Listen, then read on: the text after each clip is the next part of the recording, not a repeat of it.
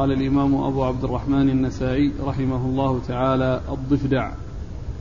قال أخبرنا قتيبة قال حدثنا ابن أبي فديك عن ابن أبي ذئب عن سعيد بن خالد عن سعيد بن المسيب عن عبد الرحمن بن عثمان رضي الله عنه أن طبيبا ذكر ضفدعا في دواء عند رسول الله صلى الله عليه وآله وسلم فنهى رسول الله صلى الله عليه وآله وسلم عن قتله. بسم الله الرحمن الرحيم الحمد لله رب العالمين وصلى الله وسلم وبارك على عبده ورسوله نبينا محمد وعلى آله وأصحابه أجمعين. أما بعد يقول النسائي رحمه الله الضفدع أي ما ورد في حكمه من حيث تحريم أكله وكذلك تحريم التداوي به وأنه لا يجوز قتله لأنه ليس مما هو مأكول وقد أورد النسائي حديث عبد الرحمن بن عثمان. نعم. حديث عبد الرحمن بن عثمان رضي الله تعالى عنه صاحب رسول الله صلى الله عليه وسلم أن طبيبا ذكر ضفدعا في دواء عند رسول الله صلى الله عليه وسلم. أي ذكر آه، دواء يكون من ضفدع. فالرسول صلى الله عليه وسلم نهى عن قتله والنهي عن قتله يدل على عدم أكله وكذلك أيضا عدم التداوي به لأنه حرام ولا يجوز التداوي بحرام. والنهي عن القتل يدل على عدم التداوي به وعلى عدم أكله وأنه حرام ليس مما يجوز أكله. وأما إسناد الحديث فيقول النسائي قلنا قتيبة. قتيبة بن سعيد بن جميل بن طريف البغلاني ثقة أخرج له أصحاب الكتب الستة. عن ابن أبي فديك. عن ابن أبي فديك وهو آه، محمد بن إسماعيل. نعم. محمد بن إسماعيل ابن أبي فديك ثقة أخرج له أصحاب الكتب الستة. صدوق. صدوق؟ نعم. صدوق أخرج له أصحاب الكتب الستة. عن ابن أبي ذئب. عن ابي أبي ذئب محمد بن عبد الرحمن بن المغيرة ابن أبي ذئب وهو ثقة أخرج له أصحاب الكتب الستة. عن سعيد بن خالد. عن سعيد بن خالد وهو سعيد بن خالد صدوق أخرج له أبو داود والنسائي وابن ماجه. وهو صدوق أخرج حديثه أبو داود والنسائي وابن ماجه. عن سعيد بن المسيب.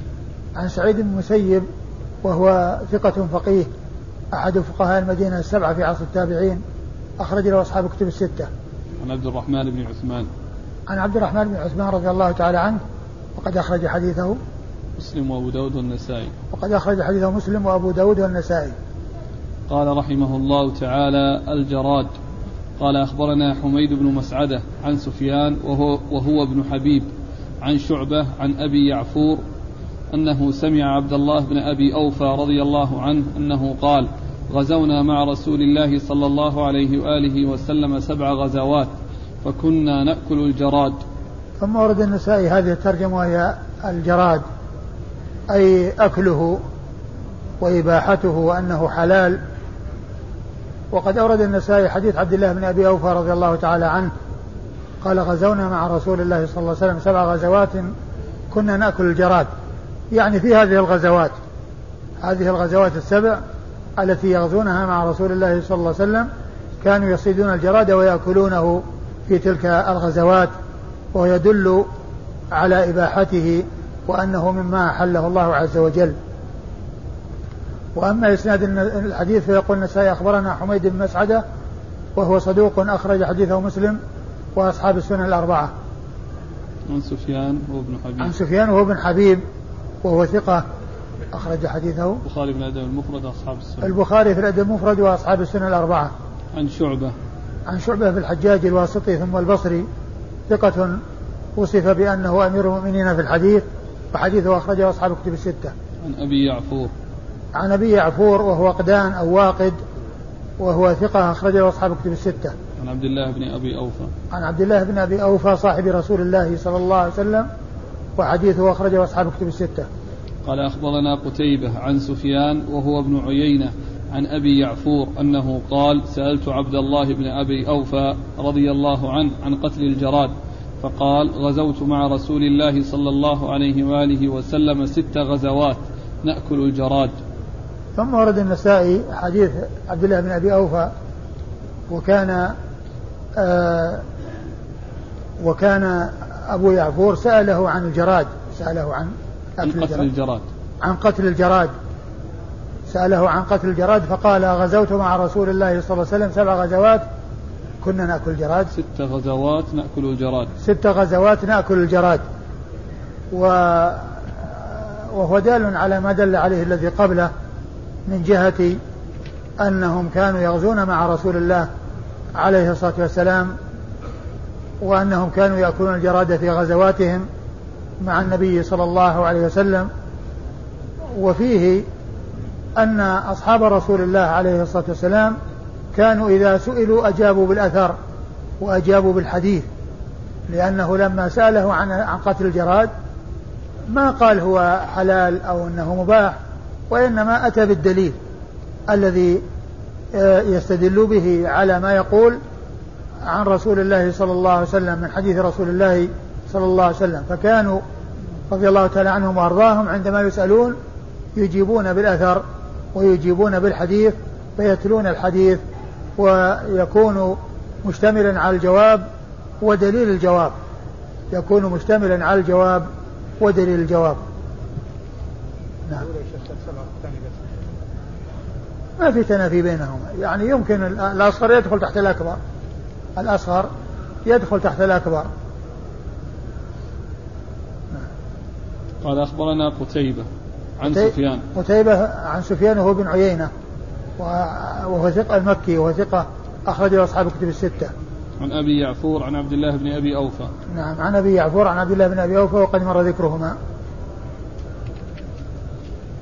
قال رحمه الله تعالى قتل النمل قال أخبرنا وهب بن بيان قال حدثنا ابن وهب قال أخبرني يونس عن ابن شهاب عن سعيد وأبي سلمة عن أبي هريرة رضي الله عنه عن رسول الله صلى الله عليه وآله وسلم أن نملة قرصت نبيا من الأنبياء فأمر بقرية النمل فأحرقت.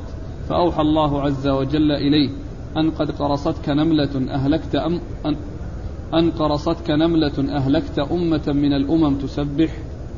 ثم ورد النسائي آه هذا الترجمة هي النمل. قتل.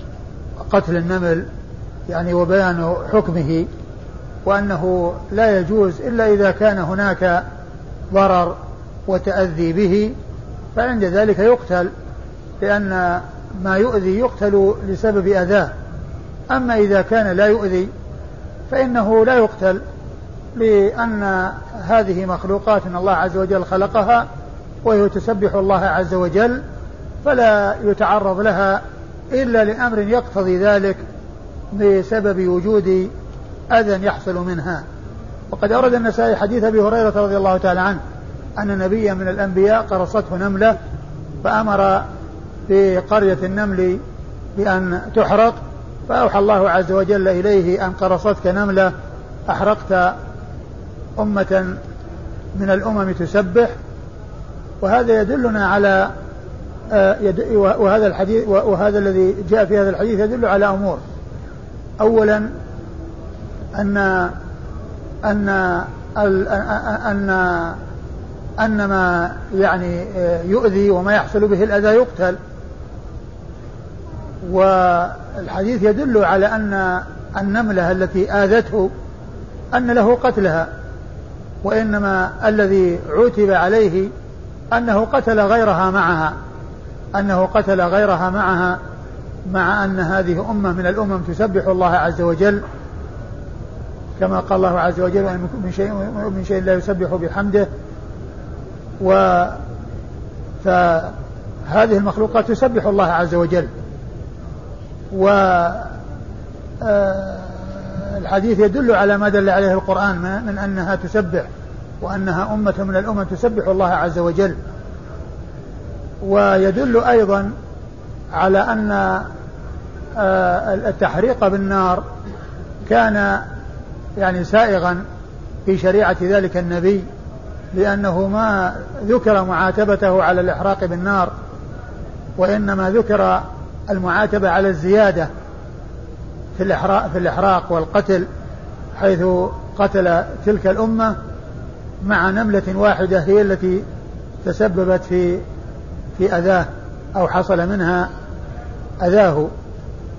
وفي شريعتنا لا يجوز التحريق بالنار والتعذيب بالنار. فقد جاء أنه لا يعذب بالنار إلا رب النار. أن نملة قرصت نبيا من الأنبياء فأمر بقرية النمل فأحرقت.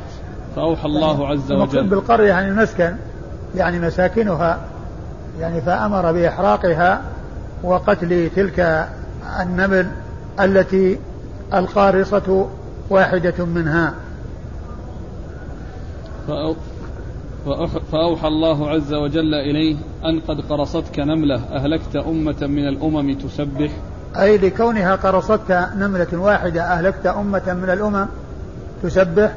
وهذا يعني يدل على أن قتل ما لا يؤذي لا يجوز وأنه آه يعني من من من بقاء أو من آه مما يترتب على بقاء تلك الأمة. أنها تسبح الله عز وجل والحاصل أن المخلوقات التي خلقها الله عز وجل ما كان ينتفع به ويجوز أكله فيجوز أكله للقتل يجوز قتله للأكل وما لا يجوز أكله فإن ما يؤذي منه يقتل بسبب الأذى وما لا يؤذي فإنه يترك. لأنه مخلوق من مخلوقات الله عز وجل يسبح الله سبحانه وتعالى. النملة في البيوت إذا آذت وحصل من هذا تقتل. يعني إذا كانت مثلا خربت الطعام ويعني حصل منها إفساد الطعام فإنها تقتل. يقولون تقرأ عليه سورة النمل. صحيح ها؟ يقولون تقرأ عليه سورة النمل. هذا ما ما نعلم شيء يدل على يعني إنه يقرأ عليها سورة النمل. ما ما نعلم يعني يعني هذا. إلا المؤذي كله ما يقتل لا داخل البيت ولا خارج البيت إلا ما كان مؤذيا. إلا ما كان مؤذيا سواء كان داخل البيوت أو خارج البيوت. نعم؟ هو الكلام يعني كونه يكثر أو يقل. إذا وجد منه الأذى يقتل وإذا لم يوجد منه الأذى لا يقتل. سواء كان كثيرا أو قليلا. قال أخبرنا وهب بن بيان. وهب بن بيان ثقة أخرج حديث أبو داود والنسائي. عن ابن وهب. عن ابن وهب عبد الله بن وهب المصري ثقة فقيه أخرج له أصحاب الكتب الستة عن يونس عن يونس بن يزيد الأيلي ثم المصري ثقة أخرج له أصحاب الكتب الستة. عن ابن شهاب. عن ابن شهاب وهو محمد بن مسلم بن عبيد الله الزهري ثقة فقيه أخرج له أصحاب الكتب الستة. عن سعيد وأبي سلمة. عن سعيد بن مسيب وقد مر ذكره عن أبي س... وأبي سلمة بن عبد الرحمن بن عوف وهو ثقة أخرج له أصحاب الكتب الستة وهذان التابعيان وهما سعيد بن المسيب وأبو سلمة أحدهما وهو سعيد أحد فقهاء المدينة السبعة على باتفاق وأما أبو سلمة بن عبد الرحمن فهو أحد آه، الفقهاء السبعة على أحد الأقوال الثلاثة في السابع منهم. عن أبي هريرة. عن أبي هريرة عبد الرحمن بن صخر الدوسي صاحب رسول الله صلى الله عليه وسلم وهو أكثر الصحابة حديثا عن الإطلاق رضي الله تعالى عنه وأرضاه. قال أخبرنا إسحاق بن إبراهيم قال أخبرنا النضر وهو ابن شميل قال أخبرنا أشعث عن الحسن.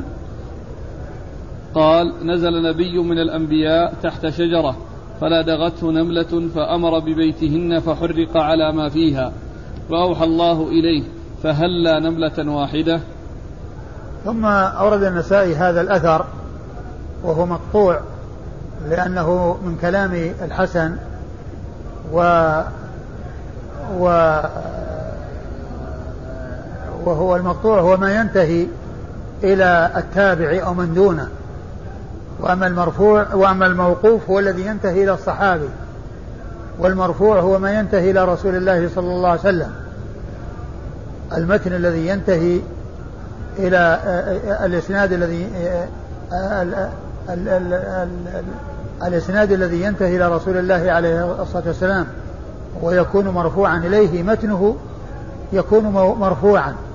وما يكون متنه من كلام الصحابي وليس من كلام الرسول صلى الله عليه وسلم يقال له موقوف.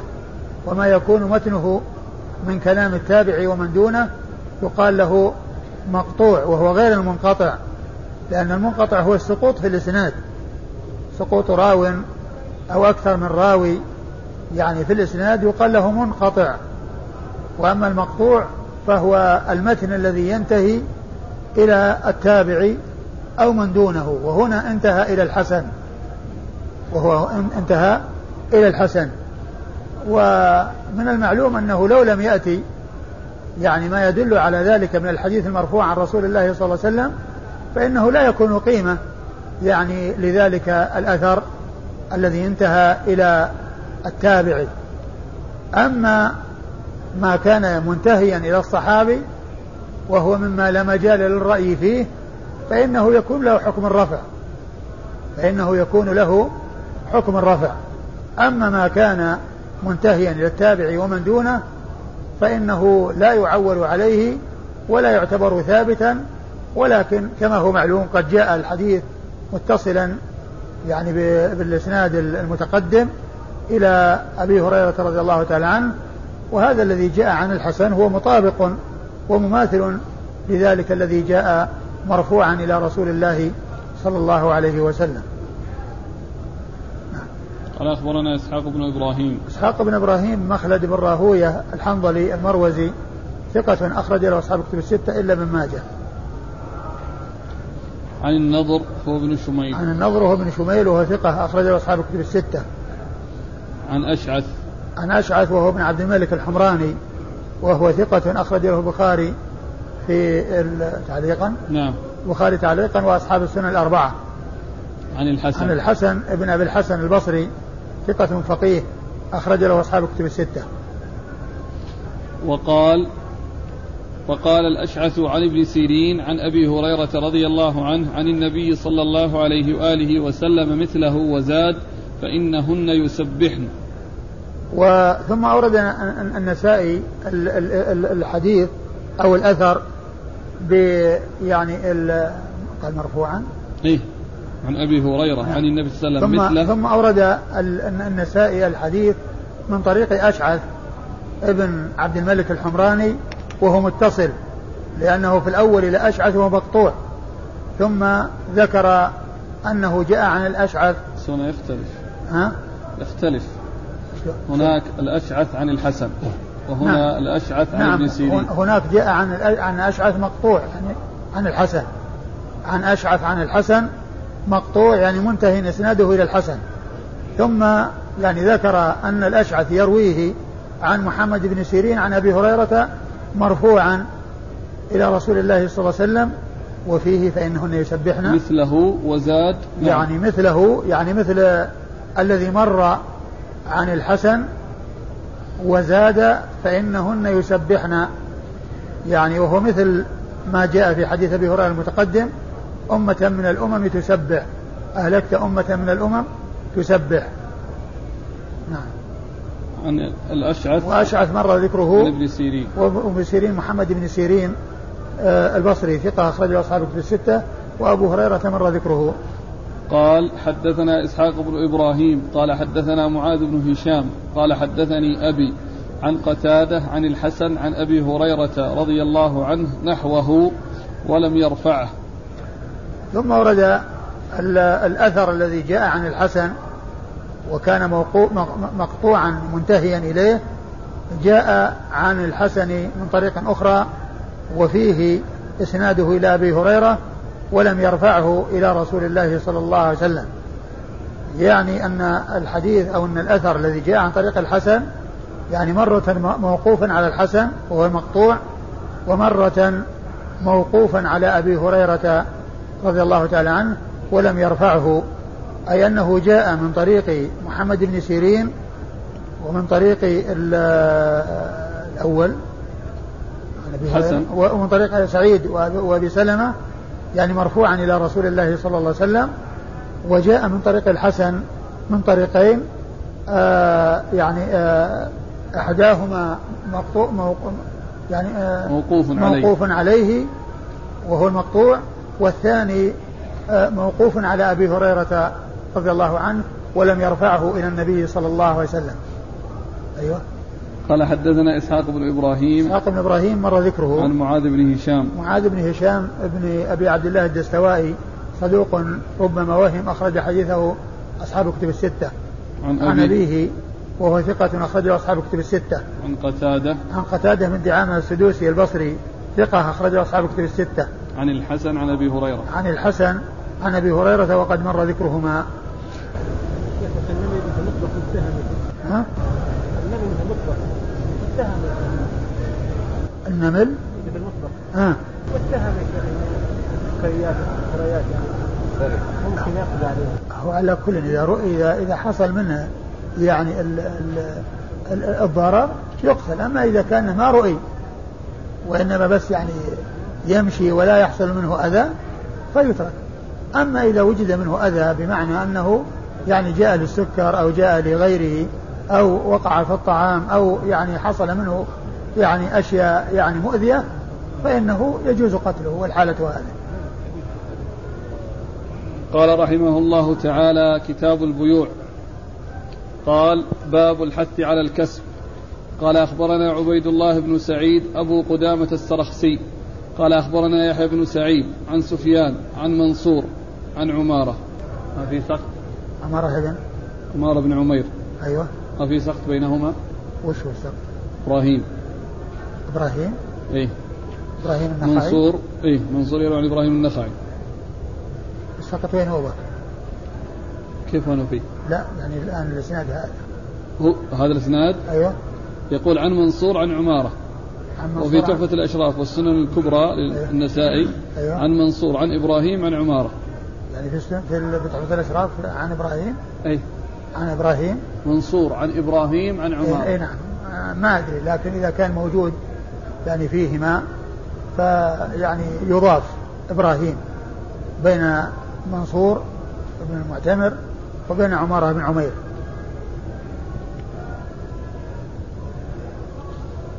والحديث سيأتي في الثاني لكن الأعمش عن إبراهيم عن عمارة. أي عن إبراهيم عن عمارة. أي أي والأعمش هو قرين هو قرين منصور, منصور.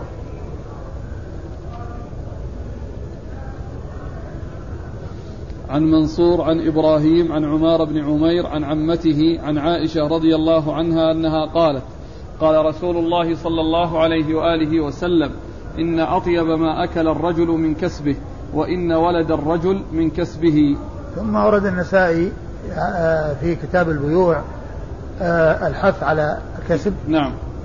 الحث. على الكسب. الحث على الكسب. يعني كل إنسان يكتسب الرزق ويكتسب المال يعني بكده وبعمله. آه، أورد النسائي حديث عائشة رضي الله تعالى عنها أن النبي صلى الله عليه وسلم قال إن أطيب إن أطيب ما أكل الرجل من كسبه. إن أطيب ما أكل الرجل من كسبه. يعني ما حصل من جهده وعمله هذا أطيب. وكلمة أطيب يدل على أن يعني أن أن غيره من الأعمال قد شاركه يعني في الطيب ولكن هذا أطيبها. لأن كونه جاء عن طريق كسب الإنسان وعن طريق عمل الإنسان فيكون هذا أطيب المكاسب وأطيب ما يأكله الإنسان. وإن ولد الرجل من كسبه. نعم. وإن ولد الرجل من كسبه. يعني أن الإنسان إذا يعني أكل من مال ولده فهو ما أكل يعني من جهة يكون فيها منة لأنه من كسبه. فكونه يأكل من ماله لا بأس بذلك. ولا يغضاضة في ذلك لأن الولد من كسبه وهو سبب وجوده. أبوه سبب وجوده فإذا أكل منه فكأنما أكل من ماله ومن كسبه. ولكن ليس ليس للوالد أن يأخذ من مال ولده إلا ما تدعو حاجته إليه. أما أن يأخذ ماله ويتصرف في ماله و آه، الملك من مال من الولد إلى الوالد فيكون الوالد الولد يفلس بكون يعني والده يأخذ ماله ويتصرف فيه. فهذا لا يجوز للوالد وإنما الذي يجوز له أن يأخذ على قدر حاجته لا أن يأخذ مال ابنه ويتصرف فيه كما يتصرف الملاك في أملاكهم. لكن ال ال ال الولد هو من كسبه وإذا أكل من كسبه أو أكل من مال ولده فكأنما أكل من ماله فلا غضاضة في ذلك ولا يعني آه، منة في ذلك لأنه آه، أكل من كسب الولد والولد هو من كسب الإنسان. نعم. يقول أخبرنا عبيد الله بن سعيد أبو قدام السرخسي. والرسول صلى الله عليه وسلم لما جاءه رجل قال إن أبي اجتاح مالي قال أنت مال أنت ومالك لأبيك. أنت ومالك لأبيك. يعني أن الوالد يعني له حق في مال الولد. لكن إذا حصل مضرة أو حصل أمر يقتضي الإضرار فلا يجوز للوالد أن يضر بولده. وعلى. وعلى الولد أن آه، يعامل والده معاملة طيبة وأن يخاطبه برفق ولين وألا يعني يحصل منه مع والده يعني أمور تنكر يعني في إغلاظ القول عليه أو يعني التخاصم معه أو ما إلى ذلك من الأمور التي لا تنبغي. ولكنه يسلك المسالك اللينة اللطيفة التي يكون بها الوصول إلى ما يريد دون أن يلحق ضررا بالوالد. ودون أن يسيء إليه وإنما يعامله برفق وبلين وإذا ما تمكن يمكن أن آه، آه، يطلب من بعض من له آه، صلة قوية به أن يتوسط في ذلك وأن يساعده على ما يريد لأن هذا هو الذي ينبغي أن يعامل به الوالد. لا يعامل الوالد كما يعامل غيره. من الناس. على كل يعني ال ال ال ال ال إذا كان المال يتسع للاثنين فعلى الوالد أن يحج هو وأن يحج آه، آه، بأبيه وأن يعطي أباه من المال ما يتمكن من الحج به. وأما إذا كان الأمر آه، يعني ما يتسع إلا لحجة واحدة إلا لحجة واحدة فإن قدم نفسه أو قدم أباه الذي يبدو أن الأمر في ذلك واسع قال أخبرنا عبيد الله بن سعيد عبيد الله بن سعيد السرخسي اليشكري ثقة أخرج له حديث البخاري ومسلم والنسائي. عن يحيى بن سعيد. عن يحيى بن سعيد القطان ثقة أخرج أصحاب الكتب الستة. عن سفيان. عن سفيان الثوري، سفيان بن سعيد المسروق الثوري ثقة أخرج أصحاب الكتب الستة. عن منصور. عن منصور بن معتمر الكوفي ثقة أخرج له أصحاب الكتب الستة. عن إبراهيم. عن إبراهيم بن يزيد بن قيس النخعي الكوفي ثقة أخرج له أصحاب الكتب الستة. عن عمارة بن عمير. عن عمارة بن عمير وهو ثقة أيضا أخرج له أصحاب الكتب الستة. عن عمته. عن عمته آه أنا ما وقفت على شيء يعني حولها وجدت شيء في التقريب لا عنها ما وجدت يعني في التقريب شيء ويعني ولا ذكر في تحفة الأشراف يعني شيئا سوى أنها عمة عمارة ابن عمير وحديثها حديث واحد يعني في تحفة الأشراف آه هو عند عند أصحاب السنن الأربعة عند أصحاب السنن الأربعة. لكن يعني كما هو معلوم آه الحديث قد جاء من طريق أخرى عن الأسود بن يزيد بن قيس النخعي فهو ثابت. يعني نفس الحديث الذي جاء من طريق عمة عمارة بن عمير جاء من طريق غيرها وهو الأسود ابن يزيد بن قيس النخعي ولا أعرف شيئا عن عنها ولا عن حالها. لكن الحديث ما جاء من طريقها وحدها بل جاء من طريق غيرها ممن هو عمدة وممن هو حجة. عن عائشة. نعم. عن عائشة. عن عائشة رضي الله عنها أم المؤمنين الصديقة بنت الصديق وهي أكثر آه النساء حديثا عن رسول الله صلى الله عليه وسلم وهي واحدة من سبعة أشخاص عرفوا بكثرة الحديث عن النبي صلى الله عليه وسلم ستة رجال وامرأة واحدة هم أبو هريرة وابن عمر وابن عباس وأبو سعيد وأنس وجابر وأم المؤمنين عائشة رضي الله تعالى عنهم وعن الصحابة أجمعين. قال أخبرنا محمد بن منصور قال حدثنا سفيان قال حدثنا الأعمش عن إبراهيم عن عمار بن عمير عن عمة له عن عائشة رضي الله عنها أن النبي صلى الله عليه وآله وسلم قال إن أولادكم من أطيب, من أطيب كسبكم فكلوا من كسب أولادكم. ثم ورد النسائي حديث عائشة رضي الله عنها من طريق أخرى وفيه إن أولادكم من أطيب كسبكم فكلوا من كسب أولادكم. فهذا يعني فيه ما في الذي قبله وأن كسب الولد لا غضاضة فيه على الوالد ولا حرج فيه ولا تحرج لأن الوالد هو سبب وجود الولد. فما حصل من الولد فيعود نفعه على الوالد وهو بمثابة كسبه. فليس فيه منة وليس فيه آه يعني فضل لأحد لا سبب يعني آه لذلك الذي وصل المال إليه يعني فيه بل الوالد سبب في وجود الولد وكسب الولد هو كسب للوالد فأكله فيه لا غضضة فيه ولا نقص فيه. قال أخبرنا محمد بن منصور. محمد بن منصور الجواز ثقة أخرج حديثه النسائي وحده. عن سفيان. عن سفيان هو بن عيينة. عن الأعمى. المكي ثقة أخرج أصحابه في الستة عن الأعمش. نعم. سليمان بن مهران الكاهلي الكوفي ثقة أخرجه أصحابه في الستة. عن إبراهيم عن عمار بن عمير عن عمة الله عن عائشة. وقد مر ذكر الأربعة. قال أخبرنا يوسف بن عيسى قال أخبرنا الفضل بن موسى قال أخبرنا الأعمش عن إبراهيم عن الأسود عن عائشة رضي الله عنها أنها قالت قال رسول الله صلى الله عليه وآله وسلم إن أطيب ما أكل الرجل من كسبه. وولده من كسبه. ثم ورد النسائي حديث عائشة رضي الله عنها من طريق أخرى وهو مثل الطريق الأولى.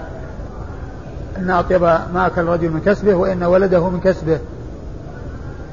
والإسناد؟ قال أخبرنا يوسف بن عيسى. يوسف بن عيسى المروزي وهو ثقة. أخرجه البخاري ومسلم والترمذي والنسائي. نعم. البخاري ومسلم والترمذي والنسائي. عن الفضل بن عن الفضل بن موسى المروزي وهو ثقة أخرجه أصحاب الكتب الستة. عن الأعمش عن إبراهيم عن الأسود. عن الأعمش عن إبراهيم وقد مر ذكره مع الأسود وهو بن يزيد بن قيس النخعي ثقة مخضرم أخرجه أصحاب الكتب الستة. عن عائشة. عن عائشة وقد مر ذكرها. قال أخبرنا أحمد بن حفص بن عبد الله النيسابوري قال حدثني أبي قال حدثني إبراهيم بن طهمان.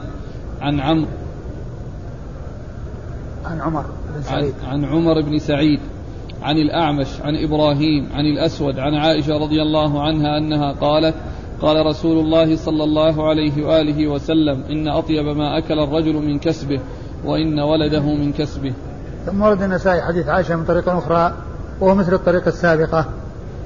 قال أخبرنا أحمد بن حفص بن عبد الله النيسابوري. أحمد بن حفص بن عبد الله بن راشد النيسابوري وهو صدوق. نعم.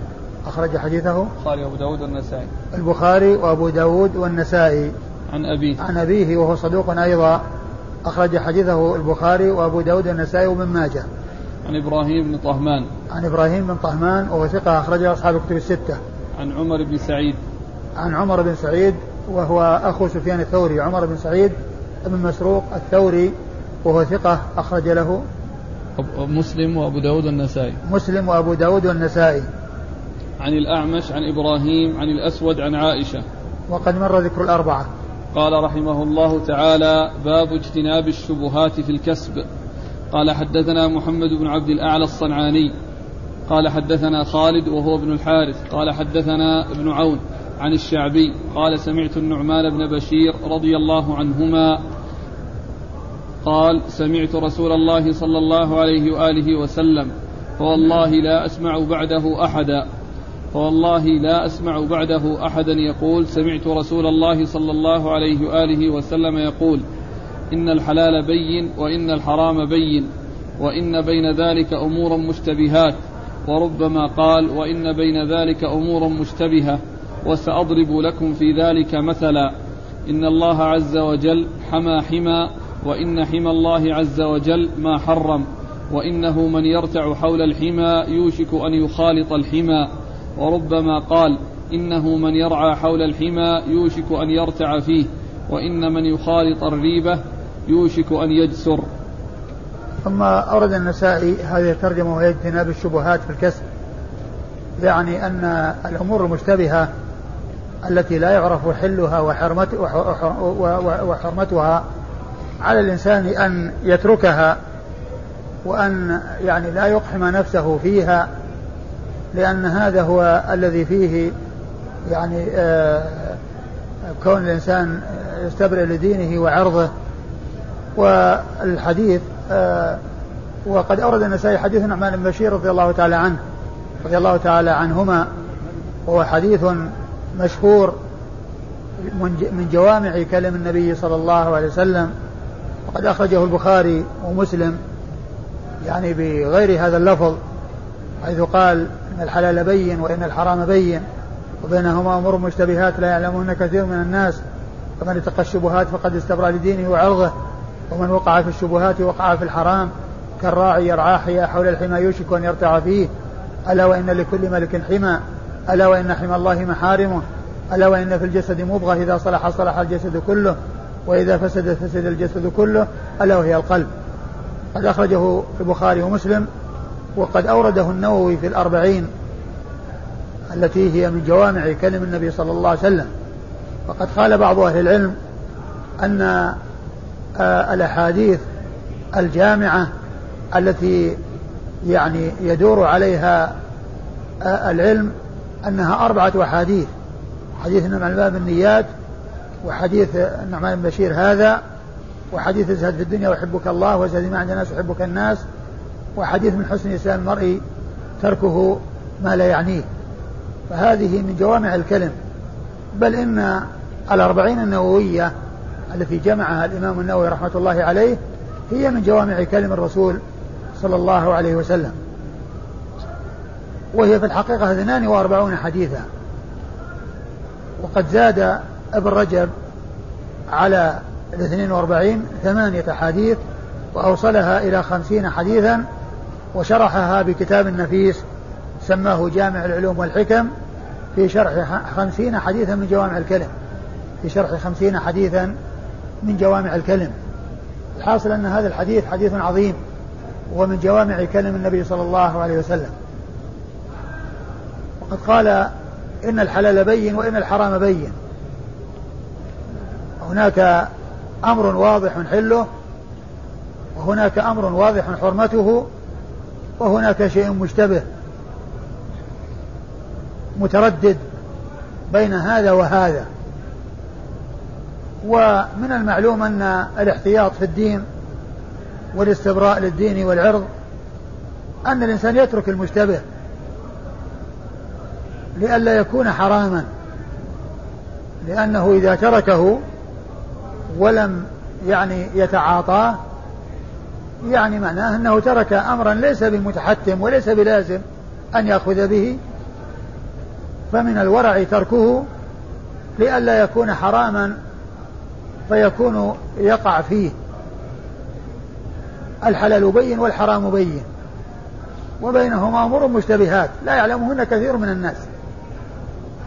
وهذا يدل يعني على أن بعض الناس قد يعلمها وبعض الناس يعني يقف على معرفة حكمها.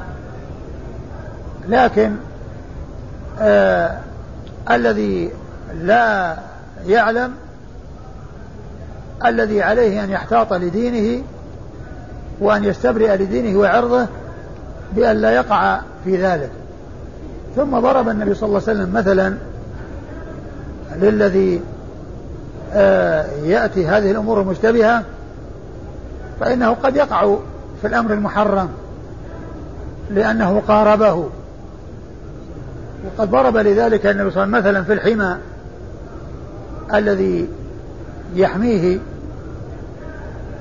آه الإنسان والذي له سلطة والذي إذا وصل الإنسان إلى حماه فإنه يعاقبه وإذا ابتعد عنه فإنه يسلم. وقد بين عليه الصلاة والسلام أن حمى الله محارمه وأن الإنسان إذا ابتعد عن المحارم فإنه يسلم من الوقوع فيها وأما إذا قرب منها فإنه قد يقع فيها. كالراعي الذي يرعى حول الحمى فإنه يوشك أن يرتع فيه ولكنه إذا كان بعيدا عن الحمى لا مجال لأنه يرتع فيه. الذي قد يناله عقوبة بسبب آه كونه يجعل غنمه أو دوابه تقع في الحمى إذا كان بعيدا من ذلك يكون سلم من أن يكون وقع في هذا الأمر الذي قد يتضرر به.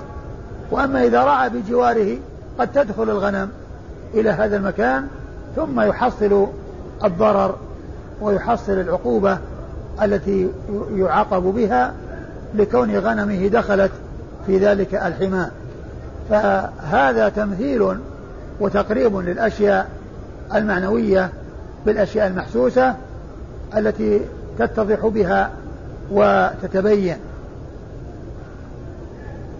إيش قال في المتن؟ إن الحلال بين وإن الحرام بين وإن بين ذلك أمورا مشتبهات. إن الحلال بين وإن الحرام بين. وبين وإن بين ذلك أمور مشتبهات. يعني لا يدرى هل هي من الحلال أو من الحرام. نعم. وربما قال وإن بين ذلك أمورا مشتبهة.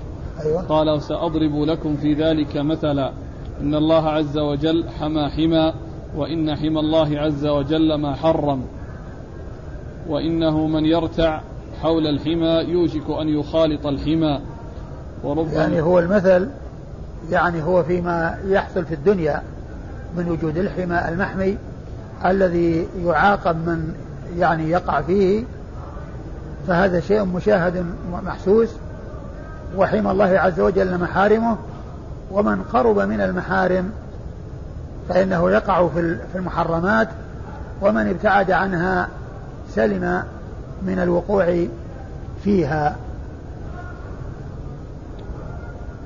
وإنه من يرتع حول الحمى يوشك أن يخالط الحمى وربما قال إنه من يرعى حول الحمى يوشك أن يرتع فيه وإن من يخالط الريبة يوشك أن يجسر. وإن من يخالط الريبة يمكن يوشك أن يجسر. يعني الشيء الذي يرتاب فيه يوشك أن يجسر يعني وأن يقدم على الوقوع في الشيء الذي هو محرم. نعم. قال حدثنا محمد بن عبد الله عبد الأعلى الصنعاني محمد بن عبد الأعلى الصنعاني وهو ثقة أخرج حديثه آه، آه، مسلم وأبو داود في القدر والترمذي والنسائي وابن ماجه. عن خالد وهو ابن الحارث. خالد هو ابن الحارث البصري ثقة أخرجه أصحاب الكتب الستة. عن ابن عون. عن ابن عون عبد الله بن عون وهو ثقة أخرجه أصحاب الكتب الستة. عن الشعبي. عن الشعبي عامر بن شراحيل الشعبي وهو ثقة أخرجه أصحاب الكتب الستة. عن النعمان بن بشير. عن النعمان بن بشير رضي الله تعالى عنهما صاحب رسول الله صلى الله عليه وسلم صحابي بن صحابي وحديثه أخرجه أصحاب الكتب الستة. وهنا يروي عن النبي صلى الله عليه وسلم ويقول سمعت رسول الله صلى الله عليه وسلم. ونعمان بن بشير من صغار الصحابة. توفي رسول الله صلى الله عليه وسلم وعمره ثمان سنوات. وهذا يدلنا على أن الراوي إذا تحمل في حال صغره وأدى بعد بلوغه فإن حديثه معتبر. وروايته معتبرة وكذلك الكافر الذي يتحمل في حال كفره ثم يروي في حال إسلامه فإن روايته معتبرة. فالصغير إذا تحمل في حال صغره وأدى بعد كبره والكافر إذا تحمل في حال كبره وأدى في حال كفره وأدى في حال إسلامه فإن رواية كل منهما آه، معتبرة. وهنا هذا الحديث يقول فيه آه النعمان سمعت رسول الله صلى الله عليه وسلم يقول يعني ومعنى هذا أنه تحمل في حال صغره وأدى في حال كبره رضي الله تعالى عنه وأرضاه ثم قال إيش؟ و فوالله لا أسمع بعده أحدا يقول سمعت رسول الله صلى الله عليه وسلم يقول يعني يقصد يعني يقصد آه، أنه هذا الحديث الذي سمعه من رسول الله صلى الله عليه وسلم يعني لا يسمع من غيره شيئا يعني يسمعه ويضيف إلى الرسول صلى الله عليه وسلم. وقد سمع هو ذلك من رسول الله صلى الله عليه وسلم لأن من وصل إلى الرسول عليه الصلاة والسلام وسمع من الرسول صلى الله عليه وسلم لا يحتاج إلى أن يأخذ عن غيره. لكن يمكن أن يأخذ عن غيره ما لم يكن سمعه منه وهي مراسيل الصحابة. التي هي كثيرة وهي معتبرة عند العلماء حيث يقول الإنسان آه، يحدث بشيء يضيفه إلى رسول الله صلى الله عليه وسلم وهو لم يسمعه. فيكون من مراسيل الصحابة والصحابة إنما يرون عن الصحابة والصحابة هم عدول المجهول فيهم في حكم المعلوم رضي الله تعالى عنهم وأرضاهم. قال حدثنا القاسم بن زكريا بن دينار قال حدثنا أبو داود الحفري عن سفيان عن محمد بن عبد الرحمن عن المقبري عن أبي هريرة رضي الله عنه أنه قال قال رسول الله صلى الله عليه وآله وسلم يأتي على الناس زمان ما يبالي الرجل من أين أصاب المال من حلال أو حرام. ثم أورد النسائي حديث آه، أبي هريرة رضي الله تعالى عنه أن النبي صلى الله عليه وسلم قال يأتي على الناس زمان لا يبالي من أين أصاب المال من حلال أو حرام. يعني آه، يعني معناه أنه يفقد الورع ويذهب الورع وأن الإنسان لا يبالي آه، من أين أصاب المال سواء كان وصل إليه من حلال أو حرام. المهم أن يصل إلى يده المال بأي طريقة كانت. لا يبالي هل هذه الطريقة حلال أو حرام. هل جاءت عن طريق السرقة؟ جاءت عن طريق الاختلاس؟ جاءت عن طريق الغصب؟ جاءت عن طريق ال ال ال ال الظلم؟ آه، بأي طريقة كانت لا يبالي. و, و يعني يصدق يعني على هؤلاء أن يكون تعريف الحلال عندهم ما حل في اليد. الحلال ما حل في اليد. الحلال هو ما حله الله ورسوله. والحرام ما حرمه الله ورسوله. لكن الحلال عندها عند هؤلاء الذين أشار إليهم النبي صلى الله عليه وسلم هو ما حل في اليد. الحلال ما حل في اليد. والحرام ما لم يقع في اليد. الحرام هو ما لم يقع في اليد والحلال هو ما حل في اليد. هذا هو تعريف الحلال عند هؤلاء الذين عناهم النبي صلى الله عليه وسلم في قوله لا يبالي من أين أصاب المال من حلال أو حرام. المهم أن يصل إلى يده وسواء كان حلالا أو حراما والعياذ بالله. نعم. قال حدثنا القاسم بن زكريا بن دينار. القاسم بن زكريا بن دينار وهو ثقة أخرج أبو داود النسائي مسلم والترمذي والنسائي وابن ماجه. أخرج حديث مسلم والترمذي والنسائي وابن ماجه.